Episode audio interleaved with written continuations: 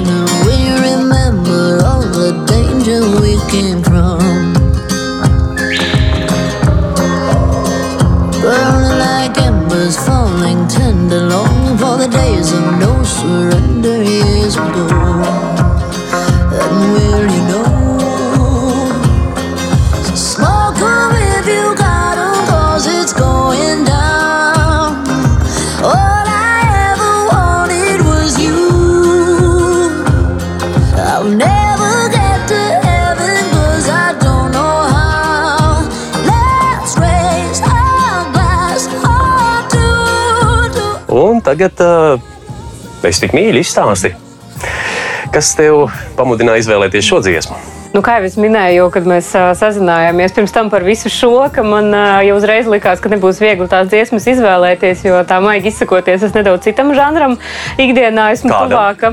Nu, es smagāku mūziku klausos.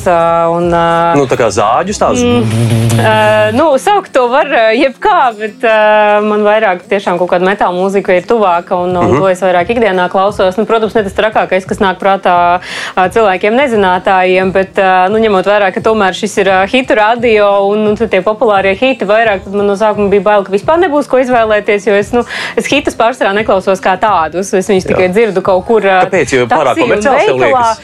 Um, Nu, te var iet baigi dziļi, bet ne tikai tas komerciālais. Mēs varam iet, cik dziļi tu Jā. gribi. Nu, um, man kaut kā negribās kaut ko sliktu teikt par popmūziku kā tādu, bet uh, konkrēti priekš manis man viņa liekas, pat ne tas komerciālais, bet man viņa liekas kaut kāda pārāk viegla.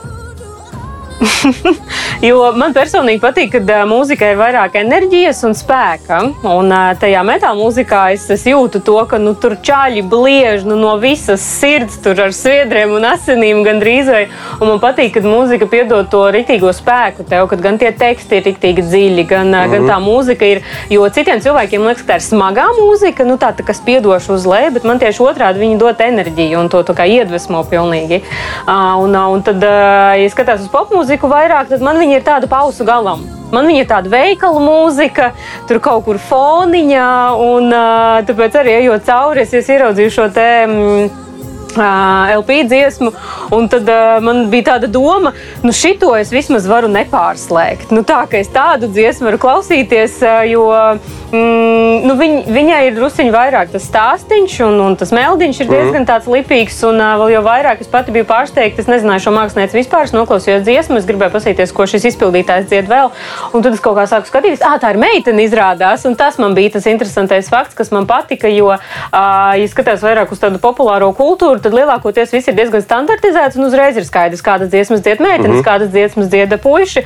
Un man likās, ka šo dziesmu dzied puisis, un es, kad redzēju to bildi, man arī likās, ka tas ir puisis. Es uzzināju, ka tā ir meitene, un tas man deva to, to, to, to momentu, kad es iedomājos, ka šis ir forši. Kad ne tikai tā dziesma ir forša, bet tā izpildītāja kā tāda, viņa ir saudabīga, viņa, viņa ir uh, gandrīz vai vīrišķīga, un tas man pašai ļoti personīgi rezonē. Dziesmiņa arī īstenībā ir tāda. Nu, mm, Nu, lai neteiktu, ka ir dziļāka par peļķi, bet, bet, bet tur ir, tur ir tādi mm, zīmīgi vārdi par, par, par pārdomu brīdis, piemēram, kad mēs kļūsim vecāki, mm, gudrāki, eh, vai mēs atcerēsimies visas tās briesmas, caur kurām mēs esam izgājuši. Mm -hmm.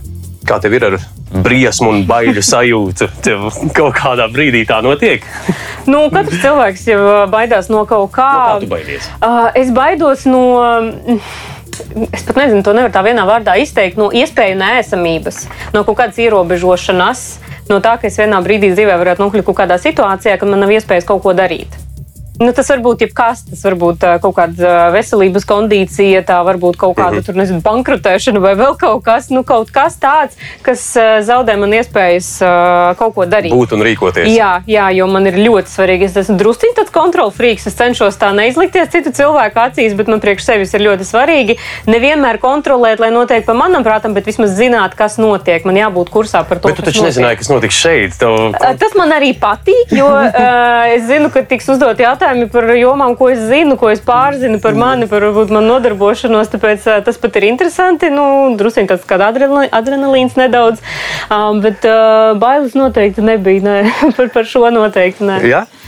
Nu, man liels prieks, ka tu esi uzdrīkstējusies un atnākusi. Nu, tad, um, par to nodarbošanos runājot, uh, vai tad tava nodarbošanās pašreizējā, piemēram, tādā interesantā. Uh, Nosauksim viņu par sfēru. Mm Mm, tā ir. -hmm. Pie kam, jā, tā ir sfēra, tā ir industrija, un uh, tas nosaukums pats par sevi ir kliedzošs. Mm -hmm. uh, kā ir sabiedrībā funkcionēt, kad cilvēki varbūt zina vai uzzina pirmo mm -hmm. reizi, un kā bija varbūt tev pie tās domas pierast, ka tu pārstāvi nu, piemēram šādu zīmolu? Mm -hmm.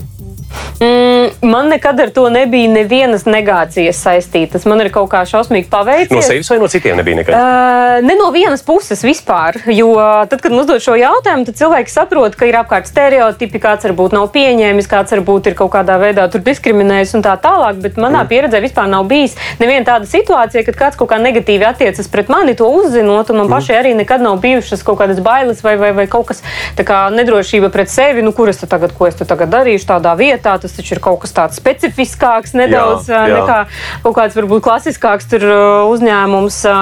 Un man tas viss, man tas viss iedvesmo, man tas viss interesē, un tāpēc tas man piedod papildus tādu tā kā enerģiju darboties, jo tas ir vārda, vārda interesanti visplašākajā nozīmē. Jo cilvēki dažreiz, kad nespēja noraksturot lietas, viņi izmanto vārdu interesanti, un tad vienalga, vai tas patiešām ir interesanti vai nav, viņi izmanto to vārdu. Lai neteiktu, ka slikti. Jā, vai arī, lai neteiktu vienkārši, ka standartā labi un tā tālāk interesanti. Bet tad, kad es saku vārdu mm. interesanti, es to saku vārdu visplašākajā nozīmē, jo man nav vienādas ikdienas. Man ir ļoti uh, interesanti komunicēt gan ar klientiem, gan, gan sadarboties, nu, kā es strādāju tajā mārketingā, ja tad ar sadarbības partneriem. Un tad vienmēr ir šīs sarunas par to, nu, kā tad ir un, un, un kāda ir sabiedrība. Šī brīdī, piedod, te pārtraucu, ir, ir tāds spraudnītis vajadzīgs. Mm. Atgādināšu tiem, kas varbūt ieslēdzas tikko vai, vai, vai nesadzirdēja no sākuma. Uh, Vikija Klišāne ir uh, seksija stila mārketinga vadītāja. Jā, jā. jā. Uh, un seksija stila. Ar ko vispār nodarbojas seksija stila? Kas jums ir? Ko, var, var- varbūt nosaukums ir tāda kartupeļu šķirne. Mm, uh, nu, principā tā tehniski mēs skatāmies intīmu preču veikals. Bet, ja mēs paplašinām to visu terminu, ko mēs visu laiku arī cenšamies darīt, tad tas, uz ko mēs virzamies un tas, kā mēs sevi redzam, tādā plašākā vārda nozīmē, ir arī tāds tā kā izglītošanās centrs gandrīz vai. Jo, Seksuālās izglītošanās jā, jā, tieši tā, jo um, visas tās aktivitātes, ko mēs veicam, gan šī klientu konsultēšana, gan apkalpošana ar padziļinātu klienta informēšanu, gan dažādi šie um, materiāli un viss, ko mēs veicam, ir kaut kāds informatīvs saturs, ā, lai ā, cilvēkus izglītotu, informētu. Ā, Un ā, tā veikala būtība tur paliek, ā, nu, jā, viņa ir tīri tehniski, jo mēs nevaram nebūt veikals, jā, protams, tās lietiņas tur tiek tirgotas, ā, bet tas vispārējais, ko mēs darām par un ap, lai tas viss bizness vispār notiek un lai cilvēkiem būtu maksimāli pozitīva attieksme pret mums, tad tā ir tāda izglītošana, nu, arī tiešām visos iespējamos veidos stāstam, runājam, konsultējam. Ā, Tagad, protams, attālinātā režīmā vairāk ir vis visādas ā, telefoniskās konsultācijas, bet, tā, ja kāds varbūt no klausītājiem ir bijis kaut vienā no seksīs tēlu veikaliem, nu, tad zina, ka bez, bez konsultācijas ārā netiks īsti.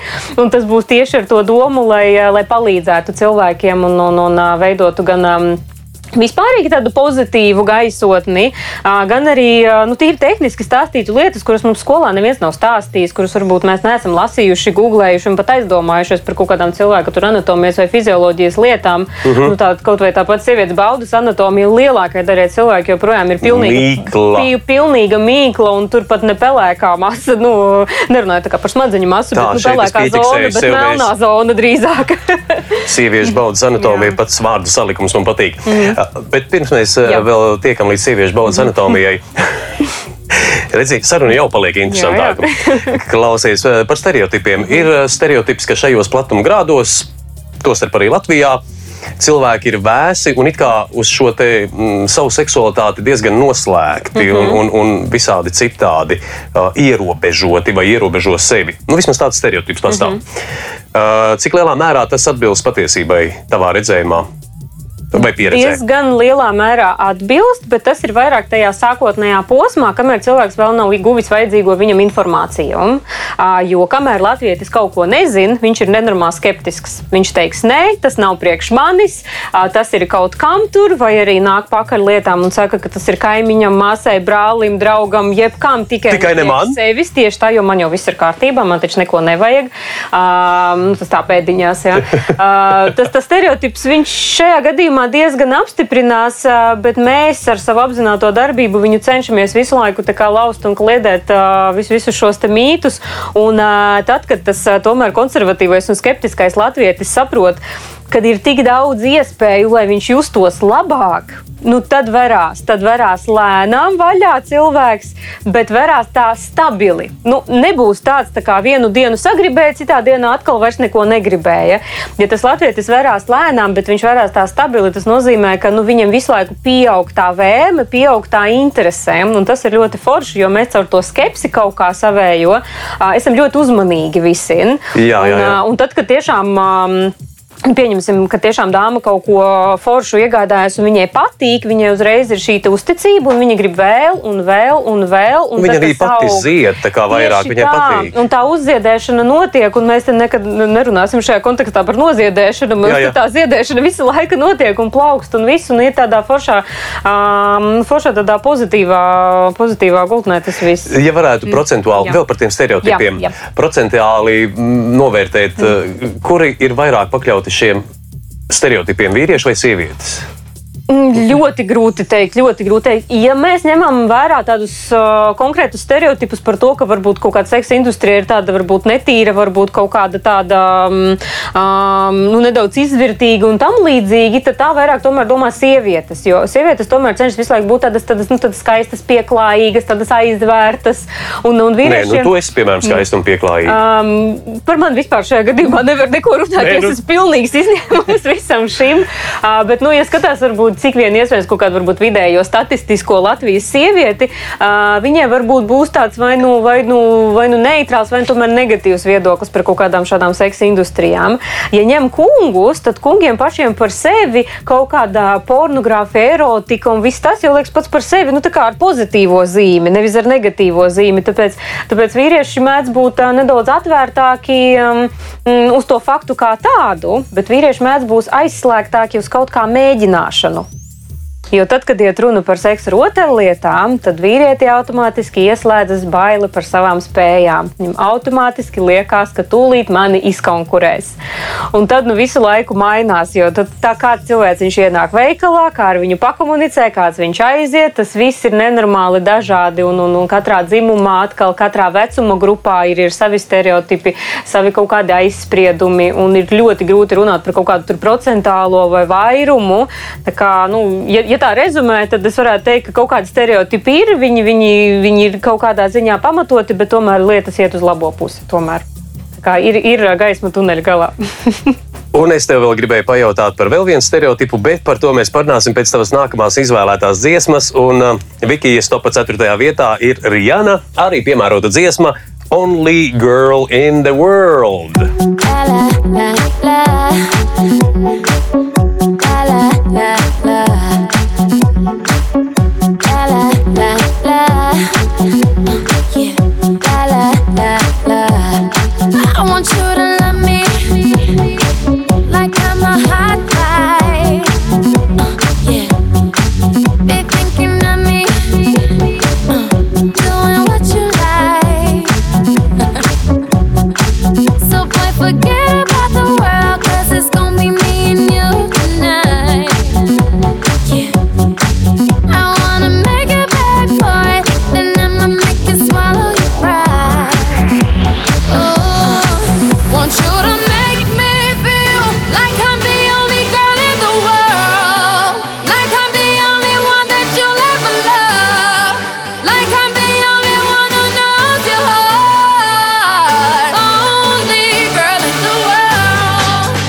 Nu, tad vispirms, kāpēc tev šī dziesma uzrunāja? Šī man liekas tāda rīktīva ballīšu dziesma. Vismaz tad, kad es jau ballējos, tad, kad Jā. drīkstēja. Man viņa vienmēr ļoti pozitīvas emocijas radīja. Un es pat neesmu iedziļinājusies tur līdz galam tajās lirikās. Nu, protams, teksts ir nu, tas, tas piedziedājums un tas nosaukums ir skaidrs. Protams, jebkurai meitenei gribētos būt vienīgai meitenei uz pasaules vai vismaz sajūtu ziņā. Nu, tā kā nevis fiziski reāli, bet, bet sajūtu ziņā. Un ļoti skaists video klips. Es šo te sarakstu taisot, arī apskatījos vēlreiz video klipu. Un Rihanna arī ir vienkārši fantastiska māksliniece. Un, ā, viņa ir viena no tām ā, popmūzikas māksliniecēm, ko es ā, tiešām ļoti cienu. Man viņa patīk. Un jau no pirmās viņas umbrellas dziesmas, es principā nu, gandrīz viss ā, man patīk, ko viņa, ko viņa veids. Protams, tikai kaut kādu daļu es varu tā klausīties.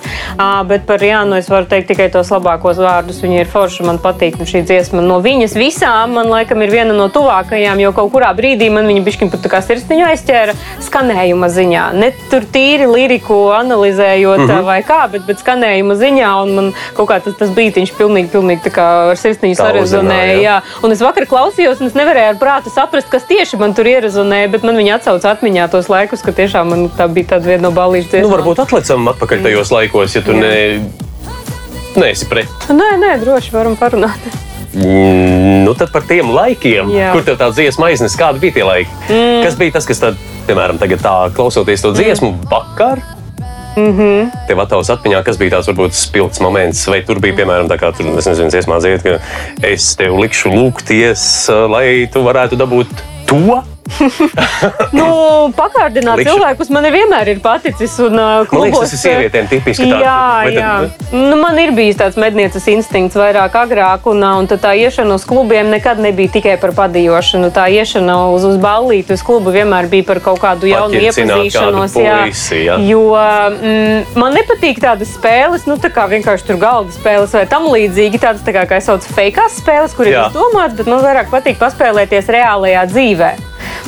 Nu, tā ka tu nevis uh, ņem kaut kādu datorspēli vai galda spēli, bet tu spēlējies ar, ar cilvēka uh, kādu izpratni, ar viņa apziņu nedaudz. Jā, tur tas Bet tur nesanāk tas, ko sauc par manipulāciju. Tāda, ka, Varbūt drusciņi, drusciņi. Es arī esmu studējis reklāmu, tāpēc man patīk visādi cilvēku manipulācijas paņēmieni ar viņu prātu. Bet es nekad neesmu to darījis ļaunprātīgi. Tas bija vairāk tās tiešām tādā flirta līmenī un, un tādā, nu, tā kā, ja es gribēju vakarā kaut ko tur panākt, piemēram, tiešām tur iepazīties ar kādu cilvēku, es pat ģērbos atbilstoši, eh, nu, tā, ka tu tiešām zini, jā, šis tur ir pavadinošais tēls, vai šis tur ir ar meiteņu, ar meitenēm vienkārši aiziet vakarā, tu tur kaut ko vienkārši ērtāku, aizslēgtāku uzvelc. Nu, visu laiku tas bija tāds uh, interesants uh, dzīvās spēles moments, kad visu laiku tika analizēts, nu, ko tad es gribu šodien īsti izdarīt un kā es to sasniedzu. Sociālais pētījums. Jā, jā, jā. Par pretējo dzimumu. Man, man ļoti patīk ar cilvēkiem visu kaut ko tādu interesantu darīt un pētīt. Kā Un varbūt tu atsauks atmiņā kādu interesantu uh, notikumu šajā sakarā. Nu, mm. man, nu, ir ārkārtīgi interesanti Jā. vispār uh, saskarsme, komunikācija ar cilvēkiem mm.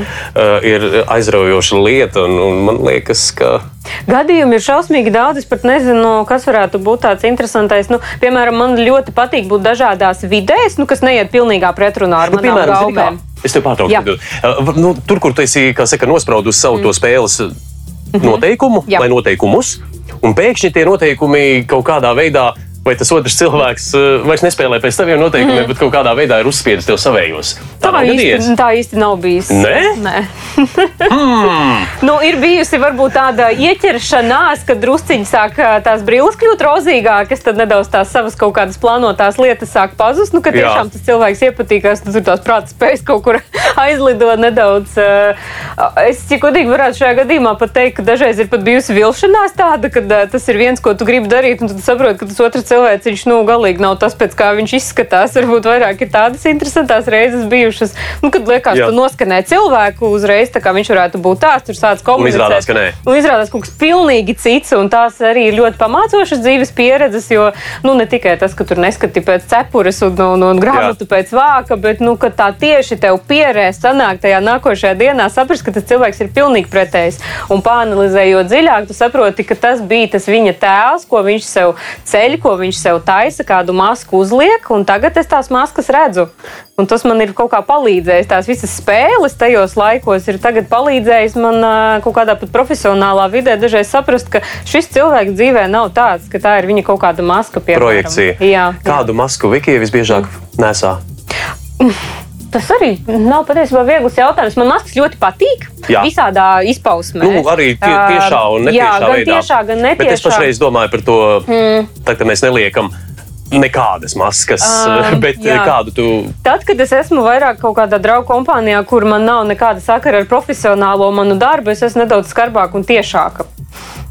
Es, es varu palamāties, es, Es tev varu droši aicināt, pateikt, esi cik um, skarba un tieši tu vēlies šovakar. Um, bet tas darbs nedaudz uzliek kaut kādus standartiņus, jo, um, nu, piemēram, es arī ļoti man patīk uh, fotosesijas un fočēšanās, un šodien man pat bija viena sesija arī. Un, uh, Un, ja man nebūtu šis, šis darbs, tad es varbūt pat uzvestos nedaudz brīvāk, bet tagad man ir jāuzliek nedaudz tā korektākā maska, jo nu, nebūtu forši, ja es te tagad taisu OnlyFans kontu un vēl kaut kādas brīnumus un pusplikās sesijas. Un tad, nu jā, tu esi tas marketinga cilvēks, un tev tā it kā nevajadzētu uzvesties īsti. Tā kā es par to ļoti piedomāju. Un tā varbūt ir tā maska, kas nedaudz slāpē varbūt kaut kādu manu to enerģiju, ko es gribētu, nu, tā kā pilnīgi tur darīt, da jebko un bez bremzēm. Un, ā, To varbūt es tā nedaudz jā, kaut kā noslāpēju sevī, kas varbūt agrāk bija vairāk, un tas darbs man nedaudz, nedaudz tā kā Ierobežo. Ierobežo tādā pozitīvā ziņā, tas neļauj kaut kā pārcensties. Varbūt, ja man nebūtu nekāda ierobežojuma, varbūt pat traku aizietu arī. Nu, bet šeit atkal mēs runājam par stereotipiem. Man tīri neviļus bija izveidojies stereotips, ka tieši šī mm. uh, veida produkti, mārketings varētu veicināt šo atklātību, to Jā. bez maskas būšanu un to, to, to pilnīgo ha! Pat tā tas ir. Kā kurā dzīves jomā? Jo es pati par sevi esmu ļoti mākslinieciska un radoša persona, un man tās maskas, tās, tās kaut kādas pārģērbšanās, karnevāli, ballītes, tur ir maskas, un viss tas man šausmīgi patīk. Un, uh, un man šis darbs ir tikai tādā profesionālā ziņā palīdzējis uzzināt kaut ko, ko es neesmu zinājis, nu, tā kā palikt tiešām informatīvi bagātākai. Bet tādā tā kā dzīves skatījuma ziņā es jau biju ļoti atvērta uz lietām. Un ir cilvēki, kam tieši, kā tu arī teici, tas paver kaut ko, kas ir iepriekš bijuši tādi konservatīvāki, varbūt, un tad viņi pēkšņi iepazīstās ar tādiem cilvēkiem kā mēs. Man ir fantastisks kolektīvs, kur visi ir ļoti tiešām atklāti, cilvēki saprotoši un ļoti toleranti. Un, um, ja, ja kāds dažreiz man prasa, kāda ir tā darba vide, nu kāda tad jūs esat, nu stereotips, protams, ir tāds, ka mēs visi esam izvirtuļi. Nu, visiem tā liekas, ka mēs tur kaut ko tur savā starpā visu laiku, kas ir pilnīgi otrādi. Nu, tā kā standarta oficiņā pat ir vairāk flirta nekā mūsu starpā. Jo mums tas, tas profesionālais kretīnisms ir Jā. tāds, ka mēs vairāk lietas analizējam, mēs tam pieejam vairāk profesionāli. Un, piemēram, ieraugot tur kailu ķermeni, nu nav tā, ka uzreiz sāk gribēties. Jā, jā, tas ir protams. darbs. Es ieraugu kailu ķermeni, es redzu atkal par darbu. Atkal par Tā. darbu runājam. Tas ir pavisam citā līmenī. Es atceros, viens smieklīgs gadījums bija, kad mēs braucām no Erota, un Erotā mēs piedalāmies ar savu stendu, ar lielu veikalu un visādām aktivitātēm, kur cilvēkiem mēs kaut, kaut ko tur uz rokām parādām. Piemēram, viņi tur var aptaustīt kaut kādas tur masāžas ceļus, kaut kādas tur svecītes, tur kaut kādu pērienu dabūt. Nu, tādā korektā līmenī cilvēki uh -huh. var kaut ko pajust nedaudz. Bet tu visu dienu un visu nakti esi tajā erotiskajā kontekstā, pats tur puspliks gandrīz vai tur sapucējies smuki. Tu redzi tās porno aktrises, to, kas tur notiek uz skatuves, uh -huh. un tas viss ir tik daudz. Un braucot mājās, piemēram, taksītī pēc tā darba, taksists sāk stāstīt nerātnās anekdotes, un es viņam tā arī pateicu, nu pietiks par darbu, mēs braucam mājās. ka tas, kas citiem ir kaut kas tāds tiešām nu, tāds īpašs, kaut kas Jā, jā, jā. pikants. Jums tā ir rutīna un Man tā ikdiena. ir ikdiena, un manī, piemēram, eksaito pavisam citas lietas kaut Bet, kā. klausies, tev tas netraucē privātajā dzīvē. Nu, piemēram, ka, nu, vai nav tīri tā profe, profesionālā, kā tu viņu nosauc, mm -hmm. kretīnisma, Jā. grūti dabūt šo te, um, latviešu nevar piemeklēt vārdu, excitementu, Jā, to, to, jā. to satraukumu, mm -hmm. veselīgo, esot vai meklējot attiecības. Tā Ā, nav? Ietekme tam ir milzīga. Un ā, lielā daļā gadījumu, nu, lielākajā daļā ne tikai, ne tikai man, bet arī kā kolēģiem skatos, tas ir tikai pozitīvā ziņā, uh -huh. jo mēs kļūstam zinošāki, gudrāki, mēs kļūstam atvērtāki, mēs, mēs visu kaut ko vairāk saprotam par savu ķermeni. Bet daži reizes strādājot, piemēram, jau vairākus gadus šajā jomā, tu jau tik daudz ko saproti un zini, ka tev vairs nav interese to mēģināt, jo tu zini, kādas būs sajūtas. Pietiek vienreiz pamēģināt, vai arī vienkārši saprast, kādi fizioloģiskie procesi notiek tajā ķermenī. Saprast, ka re, kur man būs tas, man būs tas, man būs tas, un nav interesanti vairs. Tas tā ir. Tas tā nav visiem, bet uh, tas ir. Un tad, protams, atliek meklēt kaut kādus citus stimulējošos, uh, nevis līdzekļus, bet kaut kādas stimulējošas situācijas. Mm -hmm. ko, ko, uh, tas, kas citiem ir tāds varbūt klasiski seksīgs, tas um, nu, man vai, vai arī kolēģiem ir kaut, jau kaut kas cits nedaudz. Nu, varbūt tā, tā, tā ļoti stereotipiski izklausās, nu, ka sievietes tomēr skatās uz, uz, uz vairāk vīriešu iekšām, jau uz tām smadzenēm un ko viņš tur, ko viņš tur varbūt domā. Varbūt pat uz jā. Izjūtas. esmu Jā, jā, jā, tieši tā. Un um, mums tas ir vēl jau vairāk izteikti, jo tas plikais augums nu, vispār neinteresē. Nu, tur kaut kāda tur muskuļi Tā vai kaut kāda tur. katastrofa, ne? Kaut kā tur izlikšanās, tur kaut kāda tur seksīgā dejošana. Nu, man ir tā, ka es sēžu un facepalmoju vienkārši tur uh, aerolu un facepalmu. Nu, man tas ir tik ļoti, nu, ka man, nu, cik var, es katru dienu redzu to visu. Un, un piemēram, ja es ieraugu cilvēku kaut ko tur intelekta dzirksti, man tāds, ak, Dievs, tas ir kaut kas, kaut kas jauns. Vai ne? Tas sanāk, ir kaut, kaut kas pavisam cits, kļūst interesants. Nu, pašķitināsim šo te tēmu mm. tālāk par intelekta dzirksti, par pērieniem. Vēl aizvien viens stereotips mums karājas gaisā, un vēl par noslēpumiem pēc tavas nākamās dziesmas, kas ir Kristīna Aguilera, Lil Kim, Mija un Pink, Lady Marmalade. Flow, sisters. Hey, sister, go, sister, soul, sister, flow, sister. Hey, sister,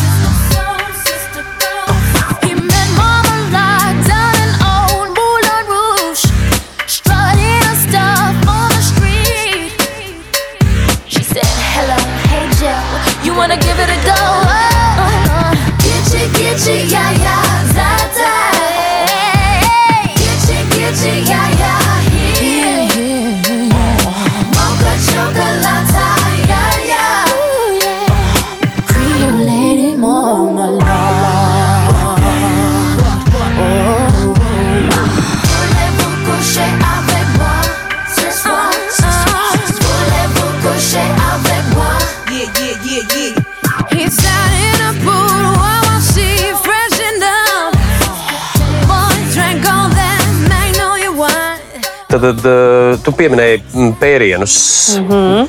erota sakarā. Jā, tā, tā ir, tas ir mans hobijs nedaudz arī. Nedaudz. Tas bija tas, ko es tev vēlējos jautāt. Tev patīk tā kā iepērt vai tik iepērtai? Uh, es vairāk esmu doma lomā, un es vairāk tomēr ieperu. Mm, tad, kad uh, mani kāds mēģina pētīt vai kaut ko uz mani darīt, man uh, ieslēdzās uh, analītiskais prāts, un es sāku analizēt, a, kā viņš to dara. Nevis baudīt, bet Jā. kā, kā viņš to dara. Un, Vai tur nav ļaunprātība? Ja? Apakšā vai varbūt. Nu, Nē, par tehniski pareizuma ziņā, jo es zinu, kā to darīt ir pareizi, lai tas būtu droši, lai tas būtu Pastāsti maksimāli kā ir baudāmi. pareizi. Es- Man, man nebija ne mazajās nojausmas, ka to var darīt absolūti nepareizi. Es domāju, pēc sajūtām cilvēks vadās, viņš ir tā tā. Nu, protams, lai nenodarītu skādi, tur Mm. droši vien pietiekami jūtīgam ir jābūt vai, un jūtīgai. Bet, bet tavā zināšanu lādītē, kā tas ir, kā ir pareizi? nu, grūti to ir pastāstīt, labāk to ir parādīt. Bet, nu, ja To tā- mēs tad, kad mēs izslēgsim Jā. mikrofonus. Es, protams, instruments līdzi nepaņēmu tādu uzstādījumu, nebija, bet varam sarunāt. Ja nu kas. um, nu, ir vairāki tādi tehniskie principi, ko, um, nu, kā, kā likumi, ko var un ko nevar. Mēs nevaram sist pa seju ar jebko, mēs nevaram sist tur pa nierēm, pa vēderu. Labāk, uh -huh. nē, ir kaut kādas ķermeņa zonas, ko nevajag. Uh, un ļoti svarīgi ir saprast savu sagatavotības līmeni. Ir um, padomi iesācējiem, uh, un ir tas, ko var izmantot profesionāļi. Un iesācējiem nekad nevajadzētu izvēlēties kaut kādus lielus rīkus, tur garas pletnes un tādu, ko viņi nespēj savaldīt. Tā kā cilvēkam pirmkārt ir jāapzinās, kādā līmenī viņš ir, vai viņš kaut ko no tā saprot, vai viņš neko nesaprot. Un tad jāizvēlās un, principā, tas atbilstošais instruments sev. Un, uh, Un tas instruments ir jāpielāgo tam, kāda ir tā vajadzība. Nu, ko tad mēs gribam ar to partneri abi divi tur kopā? Nu, Nebaigs gribu izpaust savu vienkārši agresīvu kādu noslānīt. Nu, nē, tas, tas vairs uh -huh. nav ne par baudu, ne par ko. Tā ir agresija, tā ir vardarbība, un tas vispār nav stāsts par šo. Tur pie terapeita un vēl sezinu, kur jādodas. Bet tad, kad, piemēram, pāris izdomā, ka viņi grib kaut ko pikantāku un kaut ko pamēģināt, un tā varētu būt iepēršana, kas būtu vairāk nekā vienkārši plaukti vienreiz pa dupsi uzšaut seksa laikā, uh, nu, tad arī jāsaprot sāpes liekšņi, kādi ir. Mm, vienmēr ir jāsāk ar kaut ko maigāku, ar kaut kādām maigākām pātadziņām, ar, ar kaut kādiem maigākiem šiem te vēzieniem. Tas, tas, tas testa moments, tā iesildīšanās, nevis uzreiz no visas spēka zvetē. Jo tas ir tas, ko cilvēki visbiežāk viņiem liekas, nu, ka, ja es gribu piparu attiecībās, tad man ir reāli brutāli jāzvetē kāds, nu, tā kā 50 Shades of Grey. Jā. Uh, 50 Shades of Grey, ne filma, ne grāmata, nav nekāda rokas grāmata. Tas ir nu, tīri literārs, vienas uh, sievietes uh, savārstījums. es atļaušos Kas tā ir ļoti izteikties. tālu no patiesības. Ir un- ļoti tālu no patiesības, un kas, diemžēl, ir pat ļoti daudziem pasaules cilvēkiem radījis gan fiziskas, gan emocionālas traumas. Jo cilvēki, nezinot, kā tas patiesībā ir jādara, mēģinājuši kaut ko attēlot no tā, kas ir filmā bijis, un tad tur ir galīgi šķērsām. Tur tiešām ir cilvēki līdz pat traumām un tiesāšanās procesiem aizgājuši, jo mēģina kaut ko tādu, kas, kas, kas filmā tiek parādīts skaisti, bet tas neatbilst vispār cilvēku anatomijai, fizioloģijai un tā tālāk. Un tā, tā, tā pēršana ir viena no tām lietām, ko cilvēki ļoti bieži izmanto visādās BDSM sesijās. Ar to bieži vien sākas kaut kādi šie te pikantākie rotaļu vakari.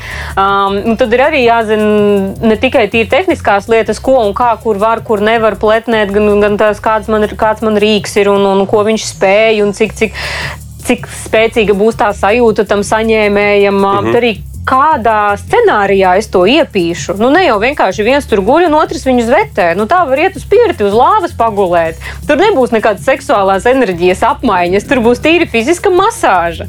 Bet, ja mēs runājam par pērienu tādā drusciņā erotiskākā kontekstā, tad mums vajag kaut kādu scenāriju. Nu, vai nu mēs tur kaut kādu lomu spēli spēlējam, ka kas tur ir kā nogrēkojies, un tas otrs viņu mm -hmm. tur nedaudz. Vispār lomu spēles jā. ir populāras.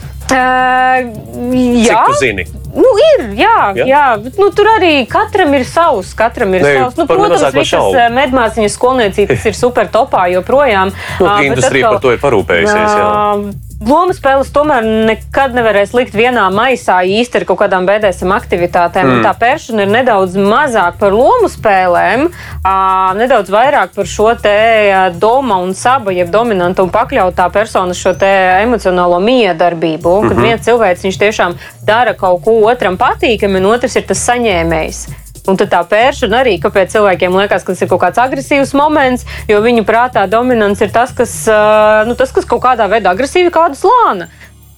pazemo. ir, jā, realitāte ir otrāda, jo tas dominants ir vairāk kā izpildītājs. Tas ir tas cilvēks, kas dara lietas, lai otram ir labi.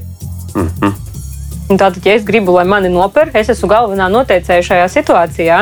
Jo es esmu tā, kas pasaka, kur, kā, cik stipri, ar ko, kāpēc, kurā dienā un, un, un tā tālāk. Un tas dominants ir vairāk kā izpildītājs. Tāpēc es pati arī vairāk esmu kā izpildītājs, jo es tehniski tām lietām zinu pieeju un es varu kādam pamācīt vai parādīt, vai tā pašā erotā pademonstrēt, kā tas ir.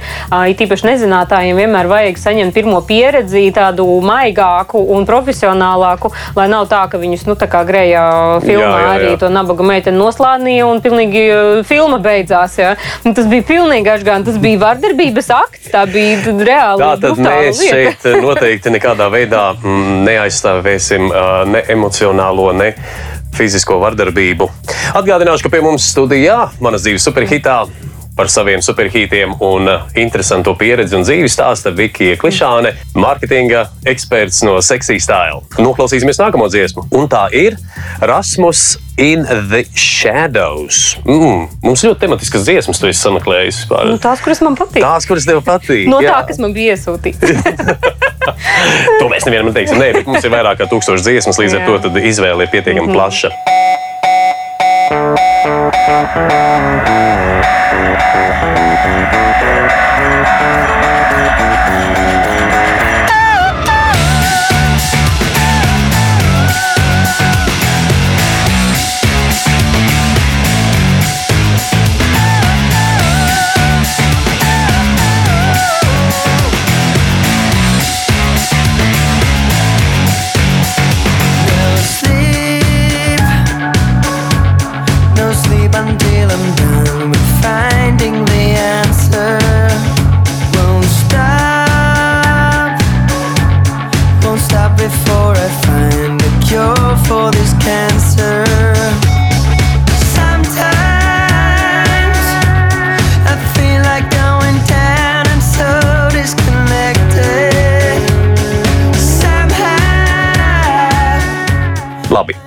pirms mēs tiksim ēnā, in the shadows, mēs mēģināsim dabūt vēl ārā gaismā tās, uh, negribās teikt, industrija, bet vispār tavas nodarbes veida. Mēs izgaismosim. Mm -hmm. Zināmā mērā, varbūt izglītosim. Man pašam ir ārkārtīgi izglītojoši. Līdz ar to man ir milzīgs prieks, ka tu esi pie mums.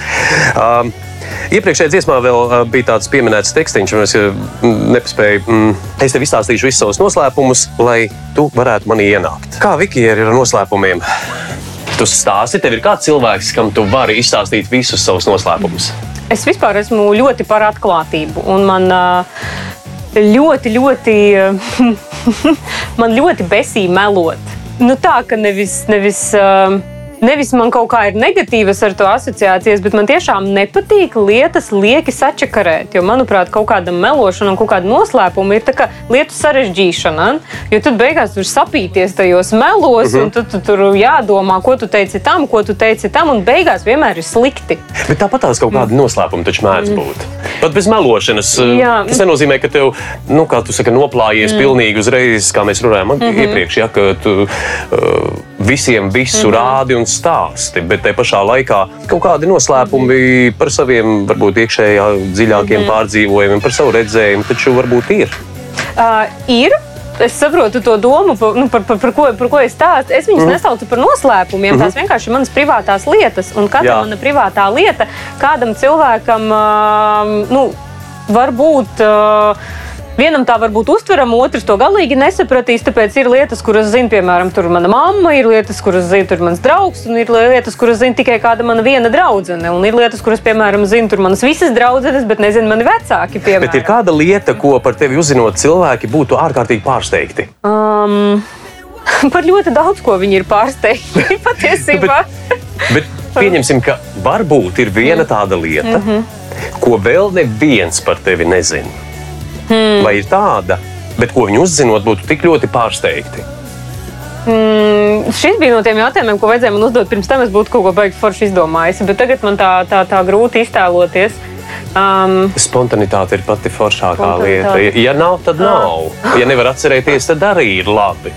Um, nu, es varu pateikt vienu piemēru. Es uh, iepriekš, kad es runāju par tiem mūzikas visiem tiem, uh, tiem žanriem un tām atšķirībām, nu, cilvēki manī parasti arī asociē tikai ar kaut kādu šo te metālu mūziku. Un dažreiz ir šokā ieraugot mani ne lateksā, jo viņi paskatās kaut kādas Instagram bildes, redz, ka tur ir kaut kāds super outfits. Tu daudz staigā lateksā? Uh, tikai uz pasākumiem, nu, kaut kādiem. nu, Nu, bet, loģiski. Taču ne jau mājās atnāk un uzģērbj uzģērb uz Man ir, lateksā. man ir nu, viena lateksa kleita, un man ir visādi citādi materiāli, kaut kādi tur fetiša elementi, kas ir fotosesijām, pasākumiem, Mhm. -hmm. un īpašiem kaut kādiem īpašām aktivitātēm.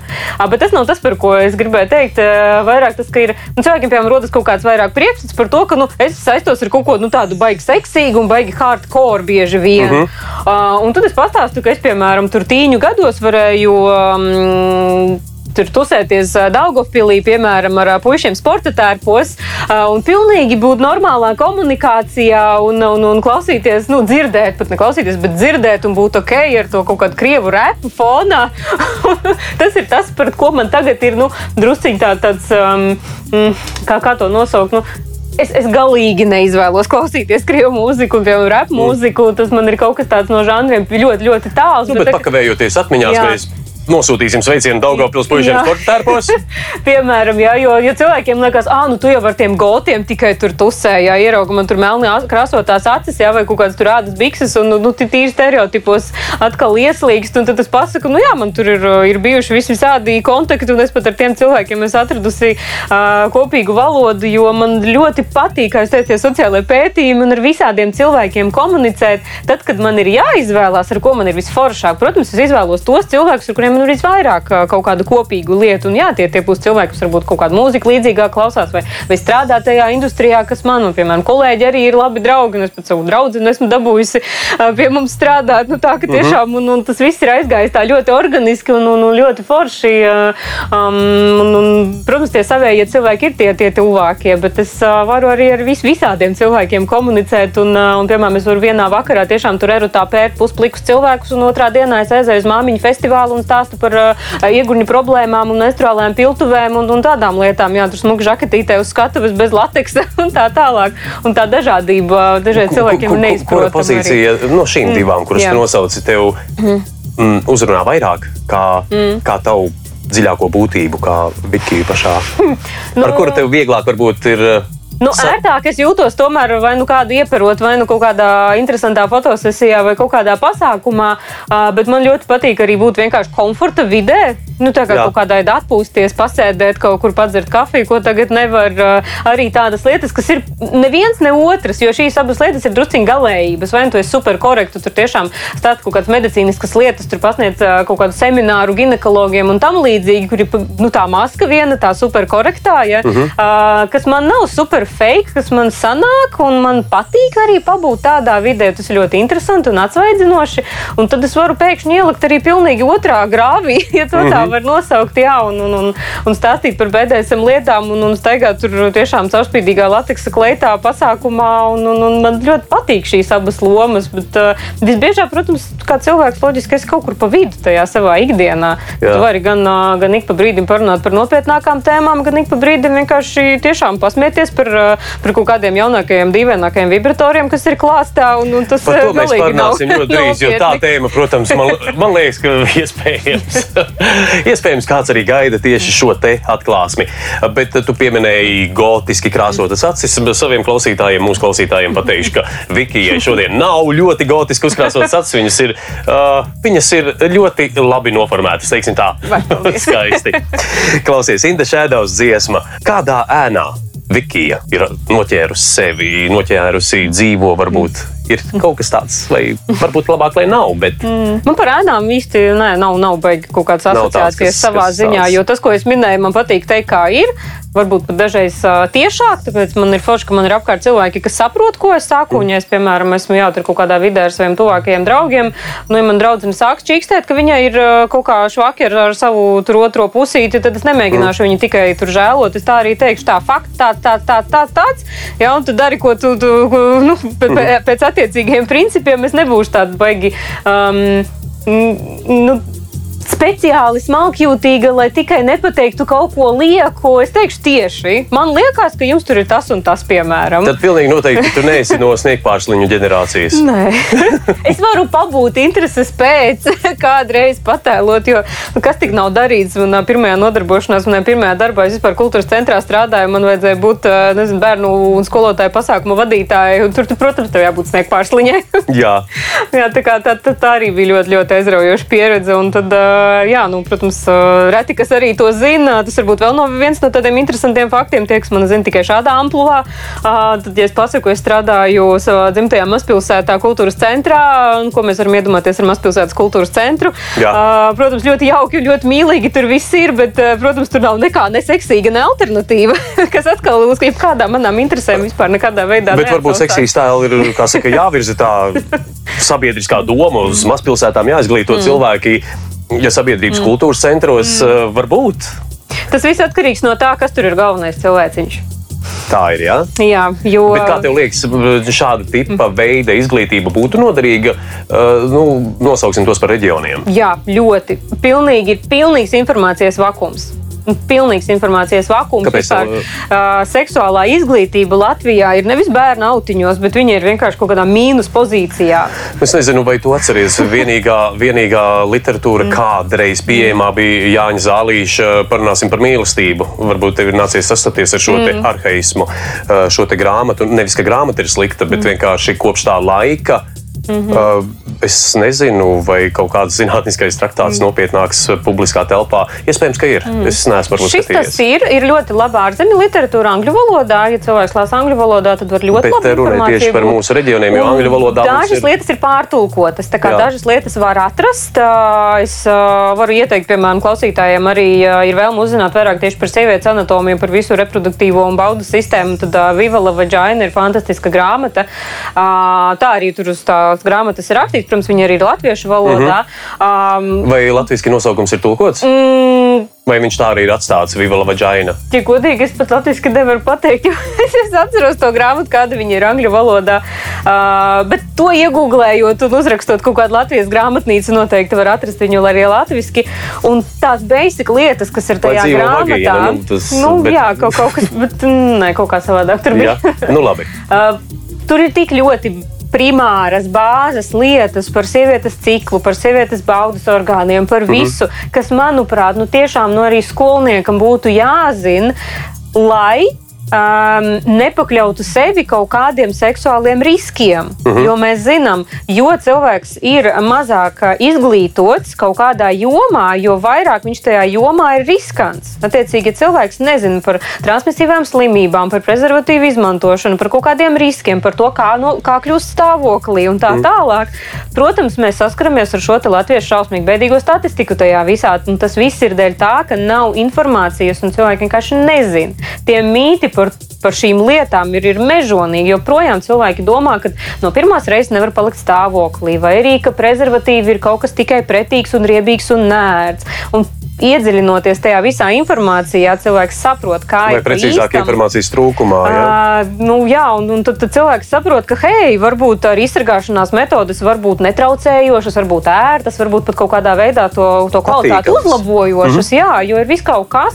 Un, un par tām rotaļlietām arī ir, ir cilvēku daļa, kas domā joprojām, nu, ka tas ir kaut kas fake, kaut kas tāds, ko man nevajag, jo taču loģiski sieviete un vīrietis tur ir radīti ar visām saviem dzimuma orgāniem, kas tur sakļaujās kā puzles gabaliņi un tā tālāk. Bet realitātē ar tām vīriešu, nu, piemēram, ar vīriešu dzimuma orgāniem, um, sievietes baudē nav baigās sakara patiešo. Nu, Nu, es, es, paldies Dievam, es to zinu, bet Jā, un, un, un tur ir tas, un, kad cilvēkiem pasaka to, tad viņiem ir pilnīgs, nu, nu tā kā jums nones. Bet kā? Fizioloģiski, nu tas tur un tā un saliekās kopā. Jā. Nu, Jā. iedomājas to aktu uzreiz, to, to, to dzimumu aktu, to penetrāciju uzreiz. Bet pat tas nav tas, kas ir primāri sievietes baudē. Un loģiski to nezinot. Cilvēki dara tās lietas. Cilvēki ir neapmierināti, ka nesniedz baudu. Sievietes sāk kompleksēt par to, ka viņas nesasniedz tos piedod? visus orgasmus un tā tālāk. Jā. Piedod, es, eh, man vienkārši gribās to jautājumu iestarpināt. Uh, Vai tu redzi šo te problēmu, ko tikko aprakstīji, kā vienu no tādiem pirmcēloņiem, ka ir daudz šķiršanos, ka ir daudz nelaimīgu ģimeņu? Vai tas kaut kādā veidā ir saistīts, mm -hmm. vai ir kaut kāda tā? Tur ir nu, saistība, jā, bet tas nav tikai un patiešo tikai tā. Uh, seksuālās dzīves nu, es biju kvalitāte domājis, ir vairāk varbūt tā neizglītotība, kas ne, Arī, arī, bet vairāk nevis neizglītotība par to anatomiju, Jā. Bet neizpratne par cilvēka psiholoģiju, par cilvēka tieksmēm, par cilvēka impulsiem. Jo, uh -huh. piemēram, iemīlēšanās kā tāda, ja mēs kādā iemīlamies, mēs to nespējam kontrolēt. Tas ir kaut kas tāds, kas notiek vienkārši šitā te notiek. Mēs vienkārši iemīlamies, mums tur visa mūsu bioķīmija, visi uh -huh. feromoni, viss tur ir. Un to mēs nevaram kontrolēt. Tas nozīmē, ka cilvēks ir attiecībās, um, laimīgās, viss tur ir kārtībā, un viņš pēkšņi iemīlās kādā citā, ko viņš nespēja kontrolēt. Vienkārši tā lieta uh -huh. notiek. Tājās attiecībās, standarta gadījumā, tas uzreiz ir traģēdija. Nu, jo tas uzreiz nozīmē, ka tev kāds cits iepatikās, ah, tā tad tu mani nemīli, tā tad tevi kaut kas neapmierina, tā tad vēl kaut kas. Sanāk, ka tā otrā pusīte to uzreiz uztver kā traģēdiju, jo viņi uzreiz to attiecina uz viņu to, to, to, to savienību, ka tur uh -huh. kaut kas nav labi. Bet realitātē tas cilvēks varbūt nemaz negrib kādā citā iemīlēties, bet tas viņam vienkārši notika. Viņš nav vainīgs par to, ka viņa ķermenis tā strādā, ka viņa smadzenēs šādi impulsi notiek. Un ko mēs darīt? Runāt ar partneri tieši tā, ko, ko mēs darām. Kas būtu tas, ar ko tu esi ok? Ir pāri, kas uh, liedzās, neko nedara. Nu, es iemīlējos, nu, un es to cilvēku ignorēju, man ir savas laimīgās attiecības, laulība ir tāds modelis, nu, diezgan klasisks. Uh -huh. Otri ir tie, kas vārdiski saka, ka viss ok, bet praktiski kaut ko ar to cilvēku padara. Tad tās krāpšanas sākās, uh, un, un, un, uh, nu, visi, visas tās tā kā, nu, ārpus attiecību kaut kādas darbošanās, piemēram, ja cilvēks arī nav Nu, nokontrolējis. tā tā pašā pa kreisi. Uh, nu, jā, jā, un ir, protams, pāri, kas ir emocionāli daudz nobriedušāki un zina vairāk par cilvēka psiholoģiju. un Viņi pirmkārt saprot, ka tas ir fakts, ko jā, neviens nav spējis kontrolēt, ka tas ir noticis. Un ir ļoti, ļoti veselīgās attiecībās, ir iespējams arī nu, ar to cilvēku, ar kuru kāds tur ir varbūt iemīlējies, vai kāds ir iepaticies, nu vismaz kaut ko ar viņu pakomunicēt, lai saprastu, kāpēc, kas ir tā sajūta, kas varbūt trūkst. Jo ilgās attiecībās ir Uzaicināt uz vakariņām, tā kā. Kaut vai. Nu, kaut vai, kaut vai, nu, Nu, pieaugušiem ja- cilvēkiem tas tā Jā, varētu ja likties es saku trietā, jā, šī, šajā kontekstā visi uzreiz domās par seksu. Man trietā. žatroāji, nē, Jā. nē, nē, nē, Uh, bet, uh, bet tiešām neuztver to kā traģēdiju, uztver to kā faktu, kas notika un ko mēs ar to darām. Es, piemēram, to neuztvertu kā traģēdiju. Man tas būtu interesanti. Atkal, mm. -hmm. interesanti paskatīties, a, ko tad tu gribi ar to cilvēku. Tu ar viņu gribi gulēt, vai tu ar gribi viņu parunāties, vai varbūt vienkārši aiziet uz kino, varbūt tiešām uzaicināt uz vakariņām. Ja vienkārši fantastisks cilvēks, kaut kāds tur super radošs, nezinu, tur intelektuāli mm -hmm. Bagāts. Un mēs nemākam, kā cilvēki, šīs situācijas analizēt un risināt. Mēs automātiski taisām skandālu, tur šķiramies un vēl viss pārējais. Un, un tāpēc es teiktu, ka tās visas šķiršanās un tās nelaimīgās attiecības ir vairāk dēļ tā, ka mēs nezinām to, kā cilvēka psiholoģija vispār strādā, ka ir lietas, ko mēs nespējam kontrolēt, sevi dzinuļi, kaut kāda kaisla, kas var pēkšņi arī pamosties uh, pret kaut ko, un tad mēs nezinām, kā ar to tikt galā. Un, un tad mēs to uztveram ļoti personīgi. Ah, tā tad tu sagribēji viņu, tā tad tu negribi mm -hmm. mani, viss slikti, šķiramies, panika un tā tālāk. Bet tā vai mm. nav pārsvarā sieviešu iezīme, mm. kuras ir jūtīgākas, ka ja nu pēkšņi uzrādās teiksim, vēl viena sieviete, mm. ka viņa pārvērš šo negāciju, ka tas nozīmē, ka es vairs nedēru. Tas ir abos virzienos. Vīrieši arī ir līdz- nenormāli greizsirdīgi. Ja vīrietis var kļūt greizsirdīgs pret seksu ar otru lietu, atvainojiet, piedodiet, Tā. dažreiz plasmasas gabaliņu, kurš tur žužina un kaut ko dara. mīļie klausītāji, šis Jā. bija vēl viens stereotips, kuru es savā balsī pateicu. Aizmirstam, nav šādu stereotipu. Uh, jā, um, uztveram vairāk pozitīvi. Nu, tā seksa ar otru lietu mums būs palīgs. Tas cilvēks, Mhm. kas kādam varbūt ir iepaticies, varbūt viņš iedos kaut kādas jaunas vēsmas mūsu attiecībās. Mhm. Uh, nesen tieši klausījos vienu interviju ar, ar, ar dāmu, kas, um, mm, kurai bija. Mm, jātēlo filmā aina, nu, mīlas aina ar kādu citu personu, un viņai bija sajūta, ka viņa tajā cilvēkā, nu, tajā aktierī, tajā savā kolēģī iemīlējās.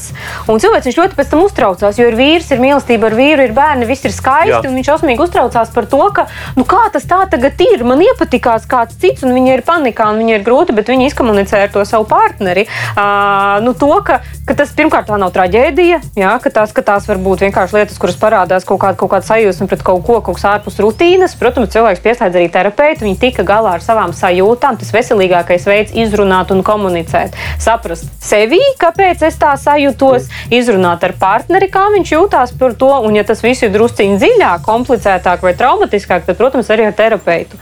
Un tur nu, latvieši baigi klibo. Mums tik ļoti nepatīk runāt par savām problēmām, un mēs labāk to krupi norijam. Nesakām, pieciešam, un tad uzsprāgst, un tad šķirās, un tad viss ir slikti. Bet, ja mēs jau procesa laikā ar tām lietām dīlotu, būtu mm -hmm. daudz ilgāki, laimīgāki pāri. Uh, un uh, vēl viena lieta, ko es gribu pieminēt, ļoti daudzi cilvēki nesaprot, uh, kāpēc viņi vispār ir attiecībās. Viņi ir attiecībās, jo tas ir kaut kāds sociāls standarts, ka tā tam būtu jābūt. Ka tu skaities tā kā standartā. Uh, Attiecībās, tu domā, jau tā kā mm. nu, precējušies. Jeb šo, noformētās kaut kādā veidā, vai nu mēs abi esam vārdiski pateikuši, mēs tagad esam attiecībās. kopā, jā. jā Mhm. es tev, tu man un viss, nu tādas klasiskās Nu, monogāmās jā, attiecības. reizēm. Jā, jā, jā, nu tiešām tas bieži vien līdzīgi kā tirgu ir. Uh, un, un tas ir kaut kāds tāds tā kā sabiedrības standarts, ka tad tu skaities veiksmīgs un normāls cilvēks, ja tev ir iespēja un tev, tu esi izveidojis šīs attiecības, un ja tev viņu nav, tad ar tevi kaut kas nav kārtībā. Mhm. Un tad cilvēkiem automātiski ir uh, nu, bailes palikt vieniem, jo viņiem tad liekas pašiem pret sevi, ka viņiem kaut kas nav kārtībā. Mhm. Un tad, kad viņi ir tajās attiecībās, tad viņi koncentrējas uz to faktu, uz to rāmi. Man ir attiecības, bet viņi aizmirst par saturu. Viņi aizmirst par to, ka attiecības jau ir par to, ka mums abiem ir labi. Ka mēs esam tajās attiecībās, tāpēc, ka man patīk ar tevi, tev patīk ar mani darīt tās visas lietas, ko mēs varam darīt. Un, un tad, kad cilvēki turās tikai pie tā rāmja un pazūd saturs, tad rodas tik šausmīgi daudz tie kāšķi, nu, ka cilvēki sāk kļūt tik ļoti nepiemēroti viens otram, bet turās, lai būtu tas fakts. Tikai dēļ attiecību principa kā tāda, nevis uh, dēļ tā, ka varbūt tur viss ir sabrucis mm -hmm. un tā glezna jau sen tur ir noticējusi un izšķīdusi un viss ir slikti. Un viņi vienkārši nepadziļināti tajā, nu, neieiet, nepaskatās, kas tur ir iekšā īsti. Tikai, tikai mūsu attiecības viņš ir jāsatur, jo tad es būšu veiksmīgs sabiedrības pārstāvis. Un Tad, nu, jā. vēl pie tā parādoties pie apgājuma vēl kādam cilvēkam, tur, tur it kā no vienas puses. Varbūt viens partneris ir gatavs runāt, un, bet uh, varbūt nerunā tikai tāpēc, ka nav pārliecības, ka mans partneris mani sapratīs pareizi. Mm -hmm.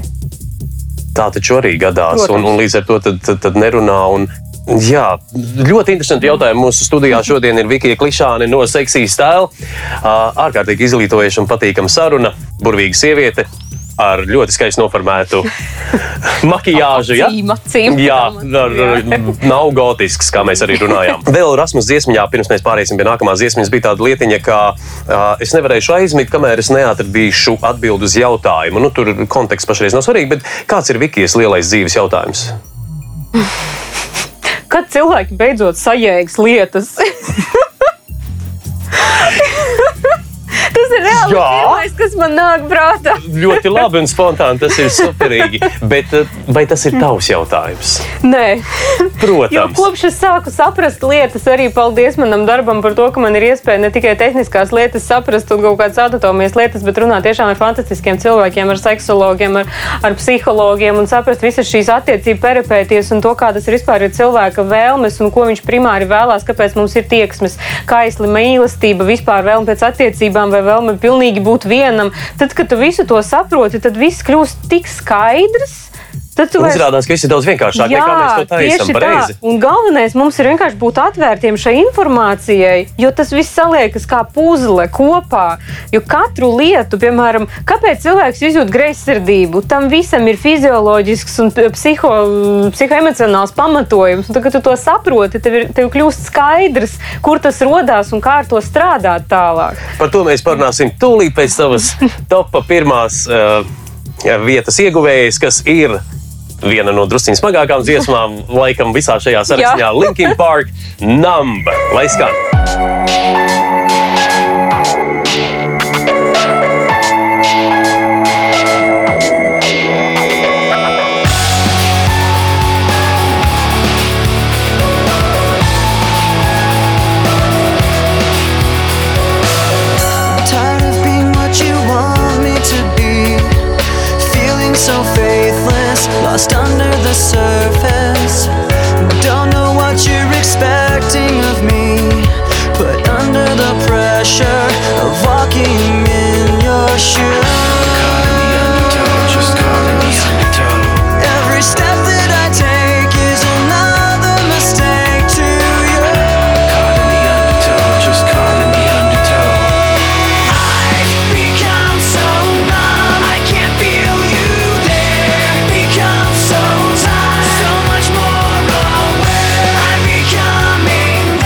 Esmu noguris būt par to, kas tu gribi, lai es būtu.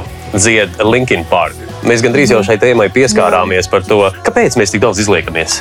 Jo nu, viena lieta, mēs zinām, mums trūkst izglītības, mm -hmm. jā, mums trūkst tādas lietas, mēs kaut kā nezinām daudzas lietas. Uh, man liekas, ka bēdīgi ir tas, ka cilvēki varbūt pat nevēlas uzzināt, mm -hmm. un tas, tas ir tā nedroši. Bet kā tad mums rīkoties, lai mēs nepaliktu kā dziedas dziesmā, pilnīgi nejūtīgi? Mm. Lai nenobloķētu savu, to, mm. savu pasaulīti, jo nu, manā redzējumā cilvēks ir atvērta sistēma, un kā atvērtai sistēmai mums vajadzētu dzīvot. Kāpēc mēs tik ļoti baidamies, Viki? Bailes tieši tas, ko es gribēju teikt. Tā... Cilvēkam ir vairāki šie te, ā, ziņ, šīs vairākas ziņas, primārās. Protams, tur primārā ir izdzīvot, um, un tad, protams, tur viss tā vairošanās un tā tālāk. Un, uh, Bailes ir viens, viena no tām sajūtām, kas cilvēku aizsargā. Nu, mēs ieraugām kaut ko, kas, kas mūs rada bailes. Tas nozīmē, ka mēs nezinām, kā ar to dīlot, kā ar to tikt galā. Loģiski, mēs no tā kaut kādā veidā izsargājamies. Un katram cilvēkam ir uh, cits uh, šis aizsarga mehānisms. Jā. Ja man, piemēram, ir bail, ja, es, var, es varu cīnīties pretī, uzreiz ar kaut kādu agresīvu dot, dot pretī. Uh, vēl ir variants, varu beigt. Vēl ir variants, es varu tur izlikties nekustīgs un, un miris un tā Jā, tālāk. izlikties par beigtu. Jā, un katram cilvēkam ir drusku savādāks veids, kā viņš ar savām bailēm tiek galā. Un uh, bail mums vienmēr no nezināmā. Nu, loģiski, ja mēs kaut ko nezinām, tad mums ir bail. Nu, es, es, piemēram, nezinu, ko es gribu darīt guļamistabā. Man trūkst zināšanu, vai man varbūt trūkst pieredzes ar, ar savu ķermeni un tā tālāk. Loģiski, ka es par to neiesaistīšos sarunās ar savu partneri. Es nezinu, ko tad es viņam atbildēšu. O, ja nu viņš man uzdos jautājumu, ko es gribu, un tas ir milzīgi uh, dīvaini, bet. Um, ļoti, ļoti ā, populāra situācija ar Latvijas sievietēm. Tad, kad viņām uzdod jautājumu, kas tev patīk, viņas saka, nezinu. Man liekas, lielākā daļa cilvēku, arī man, ka pajautā, valdi, ko tu gribi, es tā uzreiz apmulsu. Tāpēc, ka vieglāk ir pateikt to, ko es negribu, bet tā Jā. zināt, ko es gribu, pie kam vēl ļoti intīmā formā. Es gribu man patīk Jā, tā un jā. tā. Un, nu, tā, tā ir tāda uzrīkstēšanās, mm -hmm. Vispār latvieši ir ļoti neapskaužamā situācijā, jo mēs visos iespējamos kontekstos esam drusciņi kā, nu, ierobežoti. Mums gan valodā nav forši izteiksmes līdzekļu, kā tās lietas aprakstīt. Cilvēki nezina nekā anatomiski nosaukt savas uh, liekas, ķermeņa tā daļas. dainās mm. ir ļoti. Tur daudz. atkal ir tik poētiski, tik literāri, ka tas kļūst komiski. Nu, ja sieviete tagad tur pateiks, ja tur kaut kādu manu ezeriņu un vēl kaut ko, es šaubos, Nē, nē, ka tas kādam liksies tajās, ko mēs saucam par neķītrajām dainām, tur jau, man liekas, diezgan. um, Tur ir daudz Tieši lietas tā. nosauktas diezgan Un uh, Viņas ir tieši. neķītri. Piemēram, es negribu, lai man kaut kas ir neķītri. Es gribu, lai man ir romantiski, pikanti, erotiski, sensuāli. Tādu vārdu latviešu valodā nav. Tā, Ir vai šeit mēs vēršamies pie Latvijas valsts valodu komisijas. Un uh, Viņi konkursu un izdomājam, ja, nē, nu, vi, viņi vienkārši novērtē un, un, un saskaņo šos vārdus. Bet varbūt mums ir jāizsludina konkurss, kur mēs meklējam jaunu vārdus. Man liekas, ka arī daudz jau ir internetā kaut kur klejojuši. Tev nav nācis. Ir vārdi vispār, tas, kā latviešu valodā sauc lietas, ir, ā, ir, ir, ir um, nu, dažreiz ir diezgan traģiski. Um, mums vispār. Um, Tad, kad mums ir uh, darbā jānosauc kaut kādas lietas no angļu valodas jātulko, mums mm -hmm. vajag grūti Nu, piemēram? iet. Um, visi zina, ka angļu valodā ir uh, anal plugs. Nu, visi zina, kas tas ir. Anālie stimulatori, jā, latviešu tas vārds stimulators vien ir baigi neseksīgs. Jā, batplugs dažreiz viņi tā latviešu arī sauc. Bet eh, pareizais termins latviešu valodā ir vai nu spraudnis, vai nu aizbāznis. Kas seksīgs ir tajos vārdos? Kas erotisks ir tajos vārdos? Vai nu gribas smieties, vai nu gribas facepalmot atkal, ko ir izdomājuši. Snāk, pat tie vārdi latviešu valodā ir nepateicīgi vispār šādam seksuālam kontekstam. Tas ir viens. Otrs ir visi tie mūsu stereotipi, tā mūsu, tas mūsu vēstures fons, padomju audzināšanā. Mm -hmm. uh, tas viss ir šausmīgi. Protams, loģiski, ja kaut kādus daudzus desmitus uh, gadu ir, būt, nu, ir bijis noliegums milzīgākais par visu šo, neviens par to nav runājis un tikai kratījis pirkstu teicis, ka tas ir fu, fu, fu. Mēs tagad pēkšņi nevaram gaidīt, ka 10, 20 gadu laikā viss pēkšņi apgriežas kājām gaisā, visi runā par to veselīgi, viss ir brīvi. Loģiski, mm -hmm. ka tam ir vajadzīgs ilgs periods, lai cilvēki atvērtos lēnītēm. Tad mums, protams, nāk o- otrā grāvī ir uh, pornogrāfija, kur ir viss atkal uh, nu, pārāk jau atklāti. Nu, un tikai atklāti, nekāda tas, noslēpuma nav. um, pārāk, nu es pat teiktu, brutāli bieži vien tā kā tas dzīvē vispār nenotiek, kā ķermenis Jā. nestrādā, un to cilvēki arī nezina. Sanāk, cilvēks ir tādā neapskaužamā situācijā. No vienas puses viņam visi, nu, vēl tie cilvēki, varbūt vecāki, ja tur vecāki vai kaut kas, vai tur vecāki rata ar pirkstu saka, viss tas ir fuj, fuj, fuj. No otras puses viņš iet uh, internetā, un tur vienkārši sejā tie desmit melnie krāni viņam, nu, kaut kas brutāls uzreiz. Un Nu, tā jau loģiski, ka cilvēks ir apmulsumā, un viņš cenšas kaut kur nobalansēt, būt pa vidu, bet nav nekā tāda, kas viņam palīdzētu saprast, nu, kur ir tas līdzsvars, kur ir tas līmenis. Kā vispār tu skaties uz, uh, nu, ja mēs aizskatām, mm. nu, mēs visu šo sarunu mm. tā kā saistībā daļēji ar tavu profesiju un arī par uh, seksuālu izglītību. Kā tu vispār redzi porno industriju? Uh, kāds ir tavs mm. redzējums? Jo skaidrs, ka diapazons ir ārkārtīgi plašs. Mm. Viņš ir uh, no tas, ko sauc par soft, ļoti skaists, Jā. romantisks, līdz, līdz pilnīgai uh, brutālai vulgaritātei un, mm. principā, ikvienam adekvātam cilvēkam nepieņemamām lietām. Bet kā kopumā Vikija raugās uz industriju, cik lielā mērā viņa nezinu, traucē, palīdz tam, ko tu dari? Ja cilvēks ir gana nobriedis un spēj lietas analizēt, tad porno nav nevainas ne tam brutālajam, ne tam maigajam. Problēma rodas tajā, ka cilvēks ir nespējīgs filtrēt un analizēt un saprast to, ka tā ir filma. Tā ir kā pieaugušo pasaka, kā pieaugušo multene, kurā ir inscenētas situācijas, kuras ir attaisītas, efektīgas mhm. ekrānam. Nevienai sievietei dzīvē tā nav jākliedz. Nevienam vīrietim nav jābūt erekcijai divu stundu garumā. Nu, tā kā nav tām lietām dzīvē tā jānotiek, un daudz lietas, kas tur notiek, viņas pat nav fiziski iespējamas nu, realitātē.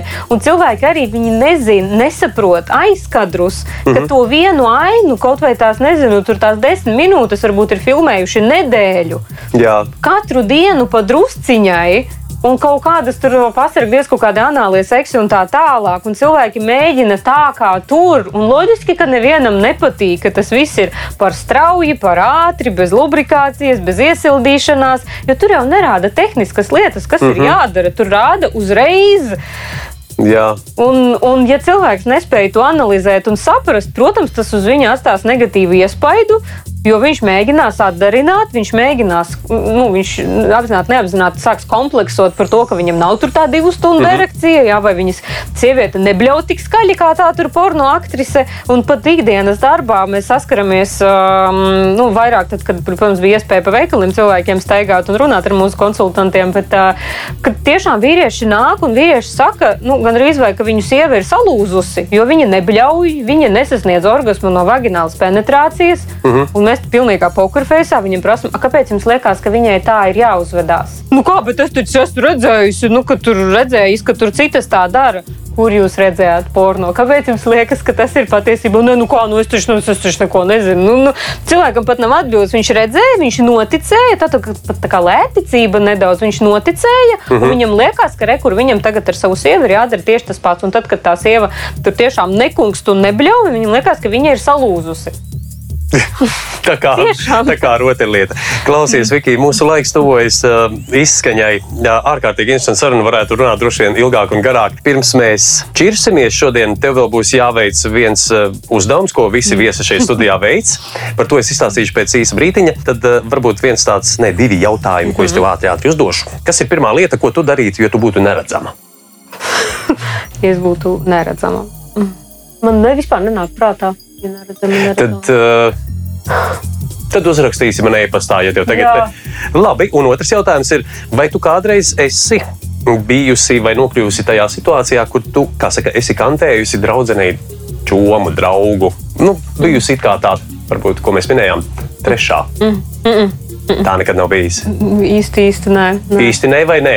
Uh, es vispār uz sevi tādu situāciju neatiecinu. Man pat grūti iedomāties, jo um, man pat īsti nepatīk tie čaļi, kas ir manām draudzenēm, jo kaut kā gaumas. Kaut kā tas ir. Un es, ja, man, ja es to meiteni uzskatu sev par draugu vai, vai to puisi par draugu, es viņu cienu. Un man nav intereses un vēlmes tur kaut kur līst un kaut ko darīt. Nē, vispār. tas par to mēs runājam. Bet saprotiet, kā tu minēji, ka notiek tas bioloģiskais moments, kaut kāds klikšķis. Nav bijis tāds Nav tāds klikšķis. bijis. Ja Nu, tāds klikšķis būtu bijis, eh, es visdrīzāk ar to draugu runātu un teiktu, ka varbūt eh, nu, izvērtējam mūsu nākotnes komunikāciju. Jo, ja es jūtu, ka, eh, ja es jūtos baigi labi to vīra klātbūtnē, varbūt mums nesanāks tik forši ģimeniskie vakariņu vakari. Es vienkārši jūtos nērti un kā mēs ar to dīlojam. Tālāk. Tas noteikti būtu sarunas materiāls atkal. Viedi vārdi, Vikija. Klausies, nu tad ķeramies pie, pie mūsu uh, reku šeit ir uz galda austiņas. Es uh, vēlos, lai tu tās uzliec. Jā, kaut kas būs jāmin. Jā. Mm, nē, jāmin nebūs. Tā, var likt jau virsū? Jā, droši, droši lietas virsū. Bet kas būs jādara? Tad uh, tu noklausīsies superhītu jinglu, klausies, cik reizes tev vajag, un tad es tev lūkšu viņu dziedāt līdzi. Ir šausmīgi dziedu. Atvainojiet, klausītāji, lūdzu, piedodiet. Nevajag atvainoties. Mēs šeit visi tādi. Tas ir manos murgos, ka es dziedu. Un tagad tu zini, kurā vietā tā, tā ir, ir, ir jādzied pa īstajam. Kā moka. Nu, nē, tas ir tā kā, nu, tā ir tāda spēle. Nu, tā kā, Labi, ka es pati nedzirdu. tas nekas. nē, nu, labi, ne labi. Bet tas tā kā spēle ar pātadziņu. Labi. mēs tā tādu spēlīt spēlējam, tas viss Es ir. labāk iepērtu nekā šito darīt. Nu, ak. Labi, 3, 2, 1, un tagad ar pilnu krūti droši.